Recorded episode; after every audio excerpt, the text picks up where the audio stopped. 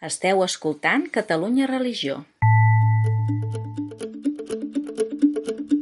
Som dijous 5 de maig de 2022 i esteu escoltant la rebotiga de Catalunya Religió, aquest espai de tertúlia i comentari de l'actualitat amb els periodistes que conformen la nostra redacció. Saludem la Glòria Barrete, en Jordi Llisterri i en Roger Vilaclara. Com anem? Hola. Hola. Tenim avui també amb nosaltres uh, convidada especial, Yolanda Otal. Uh, Yolanda, com estàs? Hola, bon dia, molt bé, molt bé. La Yolanda és mestra, uh, fa la classe de religió a les, al Col·legi L'Estonac de Barcelona. Fa uns quants anys que hi ets a, a l'Estonac. Sí, doncs mira, 35 anys fa que hi soc a l'Estonac.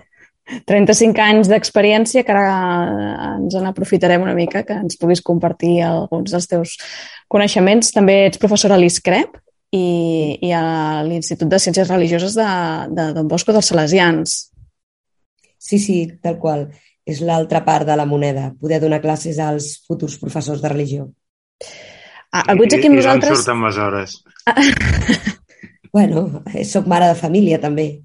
També soc mare de família, també. Bé, doncs mira, estires a l'horari. Sí, quan una cosa t'agrada, les tires. I ho pots fer i crec que és enriquidor.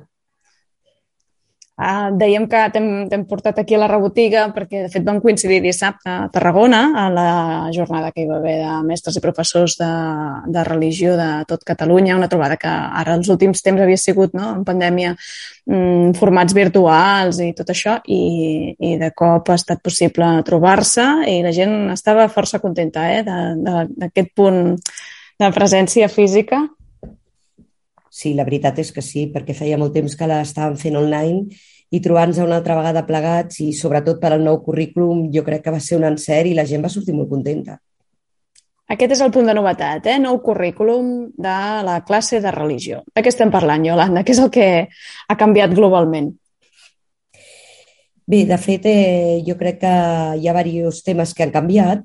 Eh, és un currículum molt competencial. Nosaltres ja teníem un currículum competencial, però ara li hem donat un tom. I jo crec que per mi una de les característiques més importants és que és un currículum molt obert i que connecta directament amb la vida. I jo crec que això eh, ho necessitàvem en educació.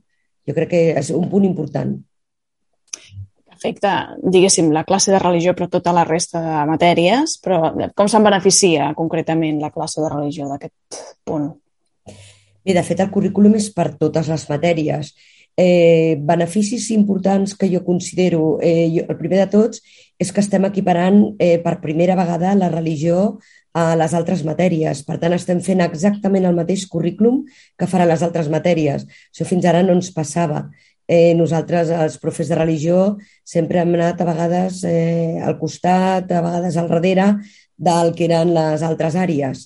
En aquest moment eh, és, és molt competencial i, per tant, vol dir que nosaltres també contribuïm des de la classe de religió a les competències global de tots els alumnes i, per tant, equiparem la classe de religió a la resta d'àrees. Uh -huh. Una de les coses que va dir en Manu, Manu Andueza, que també va participar de la jornada, és que uh, ell, ell aplaudia el, el, el canvi, diguéssim, de model, um, però deia que era molt difícil, molt difícil la seva aplicació perquè per l'obertura que implicava, no? també entenc a nivell de, de, de, de mental, d'equips, de, de com han de treballar els docents no? per, per, a favor d'aquestes competències.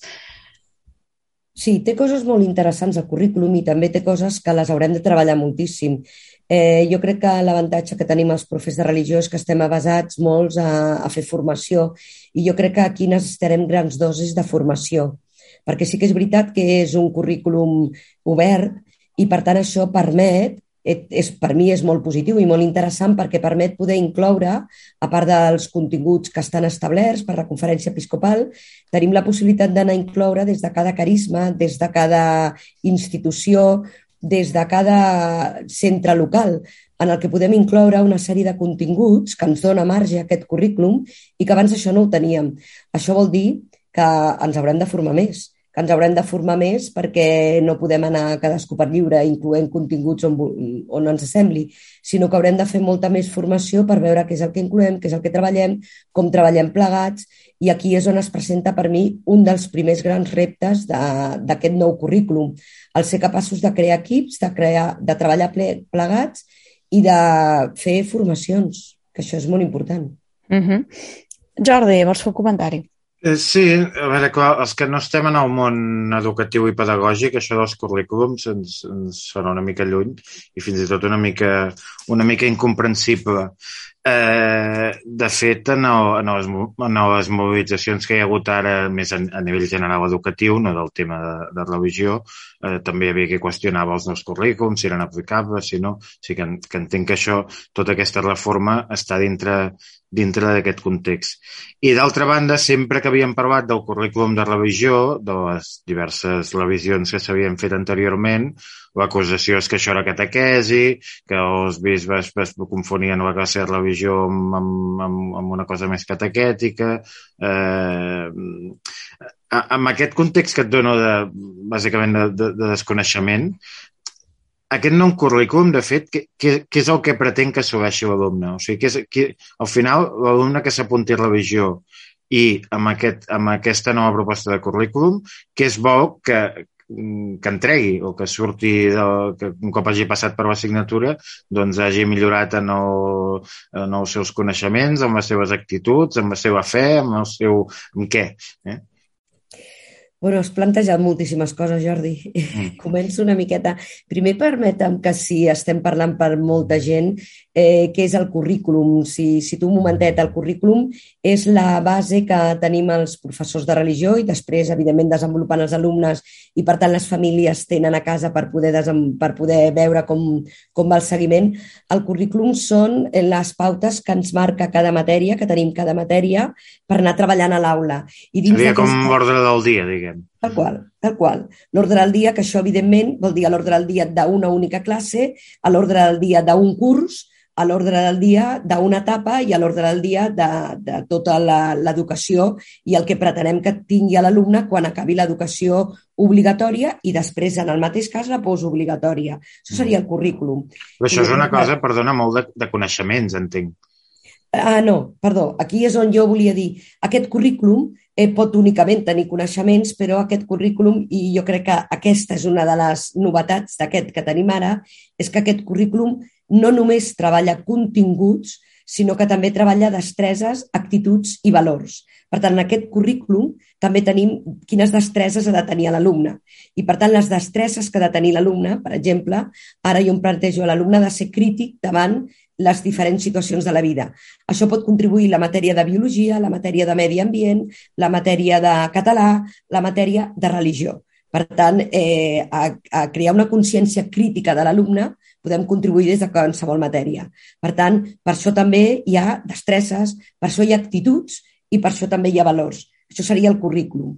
D'acord? Per tant, aquí ja tindríem situat una, una primera cosa important. Què és el que es pretén que tingui l'alumne? Mireu, en aquest currículum amb la LOMLOE hi ha una cosa que per mi també és molt interessant, que això és la primera vegada que tenim, que és el que s'anomena perfil de sortida. L'alumne l'alumne ha de tenir, quan acabi l'educació general, bàsica, és a dir, a quart d'ESO, ha, de, eh, ha de ser un perfil, que és el que s'ha creat entre tots, que aquest és per al territori de tot a, territori MEC, un perfil que nosaltres considerem que és el perfil, nosaltres vull dir els experts i en aquest cas, com hem pogut participar en moltes de la, dels foros, hem pogut participar docents, jo crec que una de les avantatges que té aquest currículum és que ha estat molt participatiu la seva, la seva elaboració. Per tant, s'ha creat un perfil de sortida, que és quin és el tipus d'alumne que nosaltres creiem que pot eh, funcionar en la societat del segle XXI. I, per tant, a partir d'aquest perfil de sortida, cada matèria ha de poder contribuir a aquest perfil de sortida. I cada matèria ha de treballar diferents aspectes per a aquest perfil de sortida. Us posaré un exemple situat a l'àrea de religió. Per exemple, eh, una de les coses que es pretén és que l'alumne es, es plantegi preguntes sobre el sentit de la vida, que l'alumne sigui capaç de plantejar-se preguntes. Això no només és per l'àrea de religió, sinó és per qualsevol de les àrees que l'alumne sigui capaç d'anar-li buscant sentit a la seva existència. Per tant, des de l'àrea de religió podem contribuir a moltíssimes coses i podem donar possibilitat a que aquest alumne, quan surti de les nostres classes, tingui un perfil concret com a persona, com a creient, com a no creient. Eh, des de la classe religió el que no volem, i has fet un inici al principi de la teva pregunta, eh, no és una catequesi, això està claríssim, i jo crec que això la conferència episcopal ho va tenir molt clar quan va dividir catequesi per un costat i la classe de religió per un altre. Ara són comissions diferents de treball, que en un principi sempre havien anat juntes, ara són diferents, mm -hmm. i la classe de religió el que pretén és formar persones per, vi per viure en el segle XXI. Una de les coses que vas apuntar també era no, justament això, no? que, que en aquest perfil de sortida definiu quina de ser, quin tipus de no creient es vol per una societat que ha de ser no? respectuosa, tolerant, dialogant, no? Um, que, clar, el clitxer, diguéssim, d'una classe de religió catòlica que validen els bisbes a nivell social és, és en aquesta línia que ara estaven dient i que ja has deixat molt clar que no és així i que cap docent en cap aula hauria d'estar treballant en aquesta línia perquè no, no s'adiu ni, ni a la normativa, eh, diguéssim, ni al plantejament de fons. Mm, que us trobeu a, les, a la classe també, diguéssim? Com, en el teu cas concret o dels teus mm, col·legues que saps que estan en altres centres treballant en això també, um, a nivell de coneixement de, de què és el fet religiós no? i a dia d'avui, si haguéssim de fer allò, un, un retrat global que sempre serà parcial, eh? però en general que us trobeu, Yolanda? Mira, les aules en aquest moment són molt, molt, molt diverses. Tenim situacions molt diverses. També depèn de quin tipus d'escola de, estiguem parlant. Eh, hi ha una diferència entre l'escola pública i l'escola concertada. A l'escola pública l'alumne i la família opta per la classe de religió. Per tant, eh, normalment ten gent que en principi sap què és el que va fer i ha optat perquè si no opta per religió té l'opció de fer ètica, fer valors, té una altra opció. Eh, això ja dona un perfil molt concret d'alumne.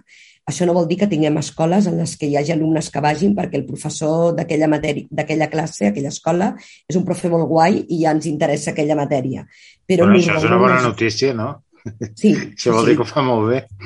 Això és genial, això és genial. Per, però, clar, això voldrà dir que l'alumne no tria per la matèria, sinó per al profe, que és, és fantàstic. Però, en canvi, a l'escola concertada, eh, bé, l'escola concertada tenim, eh, en principi, la gent sap l'ideari, la religió catòlica és obligatòria perquè forma part de l'ideari de l'escola concertada, però també la realitat és que les famílies no trien sempre l'escola perquè sigui una escola religiosa, sinó que la trien per altres motius. Per tant, ens trobem molta diversitat a l'aula. Eh, jo crec que això és un punt per mi interessant, la diversitat, perquè a les aules ara en aquest moment ens podem trobar gent musulmana, eh, gent budista, ens podem trobar en una aula, sikhs, ens podem trobar, per tant, eh, podem fer un treball de, de la transcendència, de la religió, molt de diversitat religiosa i a vegades és molt interessant aprofitar-ho. A vegades és interessant. Sí que és veritat que hi ha altres moments que costa integrar que costa integrar, però aquí requereix un treball molt important per part del docent. Molt. Mm -hmm. Glòria. Mira, Yolanda, uh, tot això que parlaves ara, no? Mm, clar, és, és molt positiu, és, uh, no ens sona nou, de fet, a nosaltres, perquè durant anys que hem anat seguint les escoles concertades, les institucions que tenen moltes escoles a Catalunya, doncs veiem sovint eh, com un projecte educatiu concret a nivell de religió. Penso en algunes escoles que van fer un projecte de la classe de religió propi perquè el currículum semblava allunyat. I la pregunta que quan anaves explicant el nou currículum em sorgia és, eh, creus que aquest canvi, que és positiu, ha arribat tard? És a dir, la sensació és que les escoles ja havien tirat pel dret en molts casos i que la religió ja és tot això que expliques, o hauria de ser això, però que ara oficialment es fa com un pas endavant? Això ha arribat tard? Sí, jo indiscutiblement ha arribat tard. Això seria bo que hagués arribat abans. El que també és veritat que ja que ara ha arribat el podem aprofitar al màxim. Eh, sí que hi ha escoles que havien fet els seus propis projectes però, clar, nosaltres parlem d'escoles d'escola en general i, per tant, sí que hi ha institucions que havien fet els seus propis projectes, però tenim molta part d'escola que no té aquesta possibilitat de treballar en equip i, per tant, eh, la pública, per exemple, el professorat treballa molt individualment perquè és més difícil i, per tant, aquí era molt complicat fer algun tipus d'aquestes opcions possiblement més competencials, molt més eh, en, en relació amb la realitat jo crec que arriba tard, però que l'hem d'aprofitar al màxim i hem d'estirar al màxim que podem. Eh, nosaltres, en el món eh, de profes de religió, sí que és veritat que hi ha institucions que havien optat ja per un tipus de currículum com aquest, però hi ha molta gent que no, encara. Hi ha moltíssima gent que no. Mm -hmm. Per tant, oportunitat, de fet, a la Fundació Escola Cristiana i els, els convocants de la trobada, que hi havia el secretariat interdiocesà de, ensenyament de religió, no? el CIERC i, i, i l'ISCREP, que també és un dels pilars que han, que han proposat a aquest treball, deien no? o, o recollien com a cosa positiva, com una oportunitat que calia acollir i, i promoure um, el nou model d'aquesta assignatura. Entenc que dins dels reptes hi ha aquesta part de, de treball en equip, no? que si no es produeix eh, s'estarà perdent també part de la gràcia de la, de la proposta. És a dir, si la resta de docents, quan, quan es parla de cultura religiosa, no? que inclou una mirada de, de moltes dimensions alhora, si la resta de matèries no acullen no? o no estan predisposades o no, jo ja faig, jo ja faig el meu, eh, aquí tampoc no s'estarà ni creixent ni avançant. Sí, eh, això és molt important. El que passa que una cosa que ara jo crec que cal destacar és que nosaltres abans, per exemple, ja treballàvem per projectes i llavors en aquests projectes col·laboràvem en totes les matèries. I aquest treball per projectes estava marcat, estava com una, una metodologia de treball que havíem de, de posar en pràctica als docents a les nostres matèries, però ara en aquest moment això ho tenim marcat com, com un eix clau de, de la, del currículum. Per tant, ningú no, no podrà dir un professor no, és que l'àrea de religió no volem que col·labori, perquè no podrà fer-ho, perquè hem de fer un treball integral i hem de fer un treball en el que totes les àrees puguin donar. De fet, de fet, una de les coses més importants que també planteja com a novetat a la LOMLOE és la, la possibilitat de, de crear metodologies actives i dins d'aquestes mm, metodologies perdó, crear situacions d'aprenentatge en el que eh, treballem tres aspectes. Aprenentatge significatiu, la interconnexió amb el món i l'ensenyament global. No? Per tant, no pot quedar al marge l'àrea de religió, ni ningú la pot fer fora. Queda blindada, diguéssim, en, en sí. part, no? Uh -huh. Jo crec que en aquest moment sí. I tens constància de quines crítiques ha rebut el, el nou currículum? Si hi ha reticències, no? Um, Home, hi ha alguna reticència. Eh, la més important és que les alçades que estem, això s'ha de posar en pràctica l'any vinent i hi ha, hi ha algun que, per exemple, de religió encara no surti publicat al BOE. Per tant, en, mhm. en el moment que estem del curs, si no tenim encara currículum publicat al BOE, aquí tenim una dificultat important per començar a treballar. Per tant, aquesta és una dificultat greu. Però després, eh, entrant una miqueta més en el, en el tema currículum, de la classe de religió, una de les crítiques més importants, que aquest cap de setmana amb la jornada es va abordar també en algun moment, és que molta gent creia que és un currículum que tenia poca part teològica i molta part pedagògica. Jo personalment eh, difereixo d'aquesta opinió i així ho vaig explicar també al cap de setmana. Jo crec que és un currículum en el que la part pedagògica s'ha posat al servei de la part teològica. Això què vol dir? Que hi ha molta metodologia que ens ajudarà a treballar continguts teològics i no vol dir que per això els te continguts teològics hagin desaparegut. Sí que és veritat que utilitzarem metodologies diferents i això ens permetrà obrir molt més la mirada a altres realitats i, per tant, haurem dels docents tenir molt clar a on volem arribar, tenir molt clar. És que entenc que una cosa és educar, que és responsabilitat de l'escola, però també responsabilitat de, tot, de, tot, de tota la societat, especialment dels pares, però també en general, també t'educa la gent quan va pel carrer de la seva actitud, però també s'ha d'ensenyar algunes coses. Entenc que potser, pel que plantejaves, mm, aquest accent amb la metodologia, amb la pedagogia, eh, no, no ha de fer oblidar que hi ha uns continguts que, que és bo d'aprendre i en el cas de, de, la, de l'assignatura de religió tot un pòsit de cultura en el nostre país principalment catòlica però també doncs, de coneixement de les bases de les, de les grans religions que ara avui també estan presents a Catalunya entenc que això no, no, no queda aparcat i que, i que els alumnes que passin per l'assignatures sortiran amb aquests coneixements. Evidentment, evidentment, hi ha tota una part de continguts que és molt important, la part de continguts i, i aquesta, evidentment, hi és i és important. El que passa que si abans teníem un currículum en el que hi havia continguts que s'anaven repetint eh, any rere any en diferents cicles, jo crec que ara s'ha obert més. Us posaré un exemple. Nosaltres treballàvem personatges bíblics i treballàvem quatre personatges bíblics i aquests quatre els anàvem eh, esprement al màxim a cada, a, a cada any i per tant a lo millor sabíem moltes coses de Moisès però per exemple no. Quins eren els quatre? Quins eren? Doncs pues mira, Moisès, per exemple, Abraham era l'altre, Josué és un altre i Noé un altre. Aquests quatre personatges es van treballant i els van, els van situant molt en molts moments. He agafat un exemple, eh? ara hi ha moltes altres coses.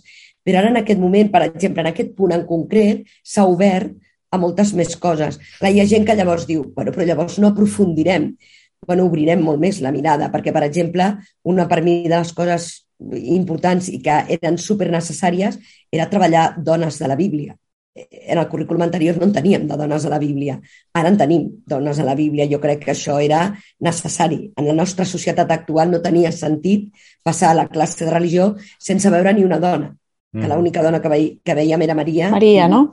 Exacte. Veiem Maria i, clar, jo penso que aquest canvi donarà moltes possibilitats. Clar, de què depèn? De que el profe de religió tingui molt clar on vol arribar i tingui molt clar què, què és el que vol fer. Si el profe de religió no està format, no està preparat, no ha treballat en equip, no ha treballat el currículum, sí que pot passar el que estàs dient, Jordi, que llavors hi hagi continguts que es passin per sobre en pro de, de, a favor de les metodologies. Mm? Això ja ens passava actualment, eh?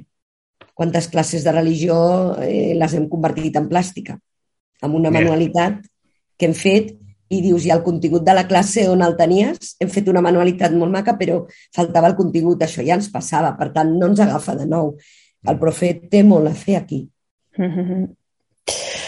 Molt bé, uh, Yolanda, moltíssimes gràcies. No sé si hi ha algun altre comentari a afegir. Jo, uh, bueno, Roger, si tenia alguna cosa, i potser la pregunta que no hem fet al principi, que és com esteu els professors de religió després de tot el que ha pogut, de tot el professorat en general a Catalunya i en particular els professors, que abans bé diferenciaves també que els de la pública potser estan més sols i els de l'escola cristiana els podeu sentir més acompanyats, però entenc que també ha sigut difícil i en aquest espai de trobada que veu tenir el cap de setmana a Tarragona també no sé com ho veu si, si, si també va ser un lloc una mica per, per, per plorar junts o per retrobar-se junts. Home, la veritat és que el professorat de religió va moltes vegades al marge, moltes vegades, i moltes vegades eh, són situacions molt individual, individualitzades i depenen molt dels claustres de les escoles. Eh, sí que és veritat que el professorat de religió eh, està una mica desgastat, però en aquest moment jo crec que amb el nou currículum està veient una onada de frescor, una onada d'aire nou. Ara, mm, condicions laborals i altres històries que no venen ara en aquest moment sí que fan que el professor de religió moltes vegades, sobretot de la pública, es quedi més, més al marge del que, del que està passant. Jo crec que les formacions són claus i les trobades són importantíssimes. Per això valoro molt la trobada que es fa aquesta que organitza el CIERC i la Fundació Escola Cristiana i l'ISCREP, perquè crec que dona molta possibilitat. Tanmateix també associacions de mestres religió que hi ha de la pública, eh? Mm -hmm. Deies que ara no, no era el tema, però sí que en parlarem. Eh? Nosaltres recollim la, la proposta, és una cosa que, que hem anat seguint i, i en volem parlar de les condicions de, no? laborals i de quin, quin és el sí, marc i, també. I a, I a principi de curs parlàvem de la dificultat de trobar professors de religió a la pública, mm -hmm. això, això ja n'hem anat parlant mm -hmm. sovint. Uh, moltíssimes gràcies, Yolanda, per ser avui aquí amb nosaltres a la Rebotiga de Catalunya Religió. Um, gràcies per la feina que feu i, i en, estem en contacte. Anem parlant, sí? Adéu, Yolanda. Bé, moltes gràcies a vosaltres per convidar-me. La resta continuem aquí a la rebotiga. Uh, fem una ullada als articles més llegits de la setmana, Roger? Doncs sí, fem, fem-li una ullada. Aquesta setmana l'article més llegit de, del portal és el trasllat de la llibreria Claret, que ja en vam parlar la setmana passada. En segon lloc hi tenim l'article en què explicàvem la mort del monjo Martí Sass, que era el monjo que era sastre de Montserrat. En tercer lloc hi tenim l'article sobre el nou currículum de religió que hem estat parlant ara fa una estona. En quart lloc hi tenim un article sobre la comunitat de Sant Egidi que presentava una proposta per un nou model d'atenció a la gent gran i en cinquè lloc hi tenim l'article en què explicàvem que Sor Lucía Caram havia obert un nou corredor humanitari a Ucraïna de la trasllat de la llibreria Claret, que és l'article més llegit de la setmana. Uh, ja en va parlar a la darrera rebotiga, podeu recuperar el podcast. Um... I, amb, i, amb, I amb això de, la, de Sor Lucía, eh, recordat el Roger del, del corredor humanitari, però estava buscant, no sé si 10 o 12 ambulàncies, ha mhm. aconseguit que el papa els enviï un missatge beneïm la tasca dels voluntaris de CaixaBank i de la Fundació Santa Clara. Vull dir, és, és que és un, és un, terra, un terratrèmol. Aquesta és un no parar. Sí, sí. És un no parar. Bueno, I va anar amb el padre Àngel de Madrid, que allà té molta... Molt, bueno, aquí també, però especialment a Madrid és un personatge reconegut i que és un senyor que està bastant gran i anava per allà amb el bastó movent-se pels camps de refugiats i per, i, per, i per un país en guerra com si fos un nen. O sigui, la cosa és bastant... És un, entenc que és un gest d'aquells que té a nivell numèric o quantitatiu doncs arriba on t'arriba i té l'efecte que té, però visualment i com a, i com a signe és molt, molt, molt significatiu. Mm, d'aquestes peces més llegides també, uh, el tema del model que proposa d'atenció a la gent gran, Santa Gidi, um, Roger, tu que hi vas ser, ens en fas cinc cèntims? Sí, mireu, la setmana passada la comunitat de Sant Egidi va, va presentar aquesta proposta, que és, és una proposta, doncs, el que dèiem, no? sobretot perquè, perquè la gent gran passi els darrers anys de la seva vida a casa. Han fet tot un document que, a més a més, també doncs, explicaven que, que havien enviat als grups parlamentaris perquè volen que, que es creï una comissió al Parlament perquè treballi aquest nou model, no? i sobretot el que, el que destacaven és que no és una reforma, no volen que sigui una reforma, sinó que volen que sigui un canvi total de, del model no? i una mica el que, el que centrava tota aquesta proposta és que al final doncs, eh, l'atenció a la gent gran es pot, es pot dividir en la institucionalització o en l'atenció domiciliària, una mica el que serien les residències o l'atenció domiciliària, no? I, i el que ells defensen, o la comunitat doncs, deia sobretot, és que la majoria de gent gran vol passar els últims anys de, de la seva vida a casa no? i en canvi el, el govern o, o si el govern doncs, les mesures o, o l'atenció eh, estan centrades, diguéssim, en, en la institucionalització. Llavors, per això demanen eh, aquest canvi. També una mica destacaven, mm, tornant doncs, d'aquestes noves mesures de la pandèmia, que de fet ja no n'hi ha, amb el tema de, de que no hi hagi mascareta, etc. no? doncs també sobretot posaven molt l'accent en, en poder recuperar les visites a, a la gent gran a les residències, que és cert que en certs casos ja s'ha recuperat, però també deien que sobretot que aquestes visites tenien molts condicionants, no? i per exemple, doncs, de moment en moltes residències no es deixava entrar gent voluntària i, i per exemple, doncs, ara que ve l'estiu, que hi ha molta gent que marxa fora, etc i cada vegada és l'època de l'any en què la gent gran, els avis i àvies estan més sols a les residències, no? doncs reclamaven sobretot que aquestes condicions poguessin canviar perquè pogués entrar gent voluntària o que pogués entrar gent diferent que no fossin només familiars. No? I una mica era això, ells tenien una guia publicada, però que no és d'ara, no? El... No, de fet, la van, la van reeditant. 2003. Sí.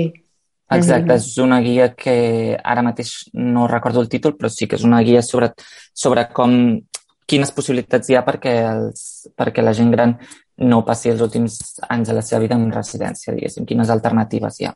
Uh -huh. Però és això que és una guia que van reeditant, diguéssim. -huh.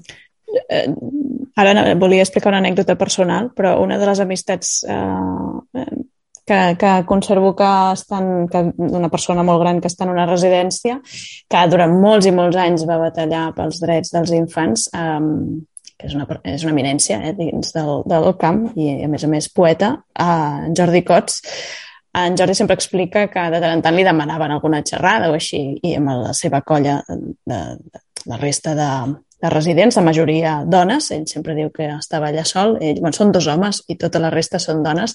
Uh, de tant en tant feia alguna intervenció sobre explicant els drets dels infants i, i un cop algú li va girar la truita va dir, bueno, i, i els drets de la gent gran, què, no? Com queda? I sempre el seu uh, relat i discurs ha estat en, en línia d'escoltar les persones, igual que els infants se'ls ha d'escoltar no? I, i, de, i donar veu, doncs amb la gent gran igual. I em cert, ho, ho dic, ho apunto, perquè m'ha semblat molt significativa aquesta dada que diu que el 87% no, de, de la gent gran prefereix no, passar els darrers anys de la seva vida a casa. Per tant, bueno, intentar no, que aquest desig pugui ser realitat, um, encara que sigui una utopia, doncs s'hi ha de poder anar avançant. Mm. És que, més, amb la, amb la situació actual, eh, segurament serem durant més anys de la nostra vida gent gran que no nens. Mm -hmm. Entre les nostres etapes vitals, la dels nens doncs, té la durada que té, que és perfectament previsible, però potser ets una persona gran durant més de 20 anys. Mm? Mm. I això és, és, en aquest moment és ben normal. I, hi, hi ha una altra cosa del, del, del projecte aquest, del, bueno, del, de la proposta que fan Sant Egidi, que posa l'accent amb el tema també de la relació entre gent gran i gent jove, Mm -hmm. que a mi em sembla molt, molt important.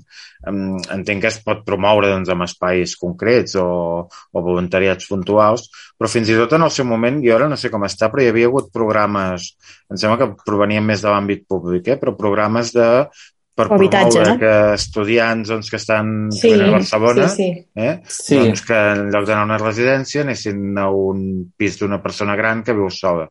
-huh. Evidentment, havia de ser gent gran que les seves necessitats, diguem, sanitàries doncs, no, no fossin més enllà de les habituals i que estiguessin bé, però amb aquest aspecte més d'una persona gran que està relativament bé i que, i que el que li falta és companyia i, i que tenir doncs, durant uns mesos un, una persona jove vivint a casa seva, doncs també la relació que es creava i el que podien aprendre un debatre i alhora doncs, que li donava també un incentiu. No?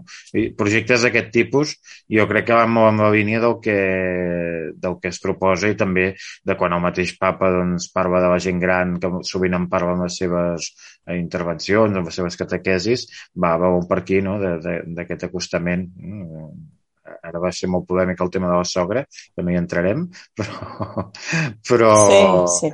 però que, de fet, parlar de la sogra per això, per parlar d'aquestes relacions més intrafamiliars i això, i de no, de no, de no deixar a banda la, la gent gran tant dins de la família com dins de la societat en general. Clar, és que jo crec que en, en, en models o sigui, de societat, eh, s'ha passat antigament a tenir els avis a casa, no?, eh, amb les masies pairals i, bueno, bueno i no pairals, pairals eh? I, i, exacte, pisos de 70 o 50 metres quadrats. Jo tenia l'avi a casa, eh? A casa era, els meus pares encara sí, són els que van anar a viure a casa els pares i per tant allà vivíem avis, els Tots, pares sí, i els sí. fills. O sigui, s'ha passat d'això a l'extrem a, a l'extrem de dir, uh, bueno, uh, són gent que ja va fent la seva vida, no?, perquè també la bellesa és, suposa una etapa complicada a nivell personal, mm. que anar veient com progressivament vas perdent les capacitats però un mateix no ho accepta, doncs deu ser difícil. Però eh, jo crec que o sigui, ens hem mogut en una radicalitat extrema, és, eh, hem tingut massa present perquè no hi havia una altra opció als avis perquè tots hi vivien, amb les certes complicacions, que si les sogres, que si, etc no? aquestes bromes que podem fer socialment, a passar directament a oblidar aquesta gent i que si no tenen família doncs els arraconem allà i dius, bueno, la capacitat física és una cosa, la capacitat mental és una altra mm. i molt sovint no van de la mà. I una persona físicament vella, de, de bellesa de gran, eh, no té per què ser una persona inútil. És que això, aquest concepte, no sé en quin moment s'ha establert així i, i bueno, la majoria de casos no, no ho és. De fet, n'hi ha que estem aquí que són bastant, són bastant més inútils que una gent gran. Això ja t'ho signo jo ara, de veritat. No, no, segur. Va, passem a un altre tema, perquè bueno, que la part bona és que Sant'Egidio no, no, és, no és un projecte nou, sinó que és una cosa que porten anys treballant, no? i aquestes coses que sempre diem, hi ha institucions que parlen amb coneixement de causa, no, no perquè sigui una necessitat ara de la pandèmia, sinó perquè ja fa anys que reivindiquen aquest model. Mm -hmm. Molt bé, de la resta de temes, de fet, aquesta setmana també hem parlat de, de les subvencions, aquestes subvencions dels centres de culte per rehabilitacions, reformes, no? Uh, exactament... Sí. Uh... De fet, la notícia és que és sobre sí. la convocatòria, no? Uh, sempre la, la notícia es dona quan, quan s'engeguen aquestes subvencions, però, però no la pots demanar i jo crec que ha quedat clar que és una necessitat eh, bueno, imparant. Eh? Vam fer una sessió des de la Direcció General d'Afers Religiosos, una sessió mm -hmm. informativa online i te n'adonaves de la quantitat de gent que estava interessada en això i les preguntes en matèries doncs, anaven molt centrades en això, en casos concrets. I no vol dir que els centres de culte no, no siguin sanitàriament um, acceptables i tinguin problemes, no, no és tant això, sinó és passem a un altre nivell. La pandèmia posa, posa de manifest doncs, temes normals, no? com la ventilació, els accessos, l'aforament, la, la distància, i sabem que a Catalunya s'han anat obrint centres de culte diversos a, des de fa molts anys, però en certes condicions, suposo, econòmiques, que deixaven eh, doncs, certes prioritats al marge i amb aquesta subvenció, que és un milió d'euros en dos anys, en dos cursos naturals, 500.000 mm, euros un any, 500.000 euros l'altre, doncs eh, s'intenta millorar en aspectes com higiene, salubritat, eh, accessibilitat, però també hi ha punts que jo penso que van molt en línia del segle XXI, que són eficiència energètica, um, evitar molèsties a tercers, no? aquests problemes que sempre s'han donat erròniament amb centres de culte que s'obren i la gent ja pensa que faran molt soroll. No, no acabo d'entendre bé sempre en, en quina clau hi ha aquesta, aquest prejudici, mm. però com s'han donat, jo penso que el que han volgut fer és ajudem aquests centres de culte, aquestes comunitats que tenen mm, potser menys recursos econòmics per raó de trajectòria i, i doncs, bueno, uh, crec que és una notícia important perquè és això. Um, tant de bo repercuteixi en molts centres de culte. Jo crec que és aquesta la voluntat que feien des d'afers eh, religiosos. Deien diversitat de centres de culte i sobretot aquells centres de culte que no hagin rebut fins ara alguna subvenció. És prioritzar doncs, a les poblacions amb renda més baixa que segurament doncs, no tinguin la capacitat econòmica per fer front a millores que són necessàries, etc. I doncs, la informació la tenim a la nostra pàgina web, però també a la Direcció General de afers religiosos tenen un apartat on s'explica fil per randa com poden demanar aquesta subvenció, què necessiten i qui la pot demanar, perquè és això curiós de pensar-se que um, tothom podrà demanar fer obres de nous sanitaris i potser quan llegeixes el detall te n'adones que potser no, no entres en convocatòria. Així que millor que ho llegim en detall i no ens trobaran la informació d'això. Podeu fet, passar quan... per, per la web a trobar-ho, eh? diguéssim, tots aquests enllaços i són a l'article que has publicat. Mm -hmm. Mm -hmm. Jordi. No, que de, que de fet quan fa, deu fer gairebé 15 anys, es va aprovar la llei de centres de culte on, entre altres coses, establia aquests mínims d'això, de, de qüestions d'evacuació, d'espai, d'aforament, etc que havien de complir. Una de les coses que no es van complir i que no s'han complert gaire fins ara és quins ajuts hi ha també per aconseguir-ho. És a dir, Exacte. evidentment, és una, és una iniciativa que ha de dependre de les comunitats, però també tots sabem de les fragilitats econòmiques de la majoria de comunitats i sobretot de les que s'estableixen de nou. I això, aquesta convocatòria en part ho, ho, ho compensa, però bueno, estem parlant 15 anys després de l'aprovació de la llei i uh, n'hi han hagut d'abans, com dius, que serien incompatibles amb les que, amb les, amb les que ara surten, però jo crec que amb aquest tema uh, totes les administracions que han anat passant pel govern i fins i tot àmbit municipal s'han quedat molt curts. Sí, ha sigut un tema que no, que no s'hi han destinat els recursos per, per, per, perquè hi hagi, bueno, al final el que defensem sempre, no? El dret a la llibertat religiosa també uh -huh. passa perquè hi hagi uns espais dignes per exercir la, la professió en comunitat, no? Doncs eh, això, això també ho demana. Uh -huh. I anem curts, anem curts amb això. Queda clar. Uh, escolteu, jo només volia fer una Aquest pinzellada queda clar, final. Vol dir acabem ja d'una vegada? no, queda clar que, que s'ha de garantir el dret a la llibertat religiosa que passa Gràcies. per aquesta concreció d'uns ajuts, etc.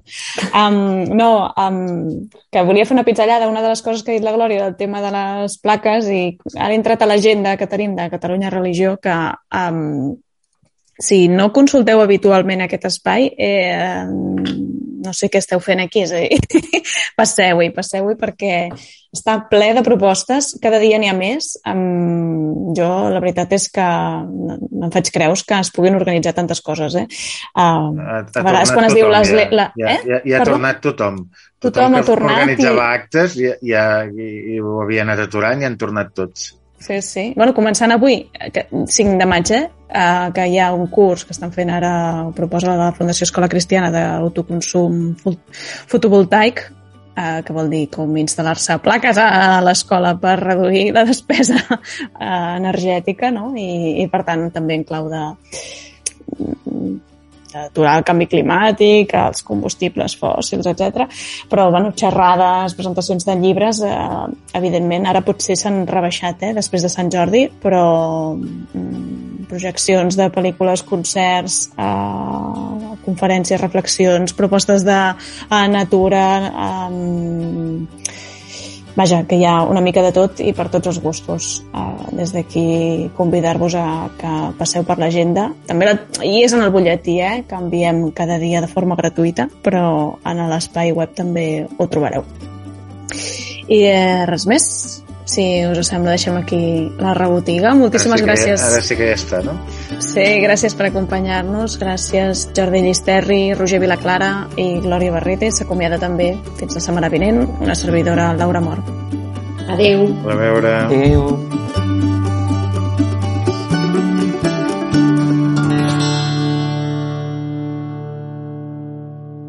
Catalunya Religió.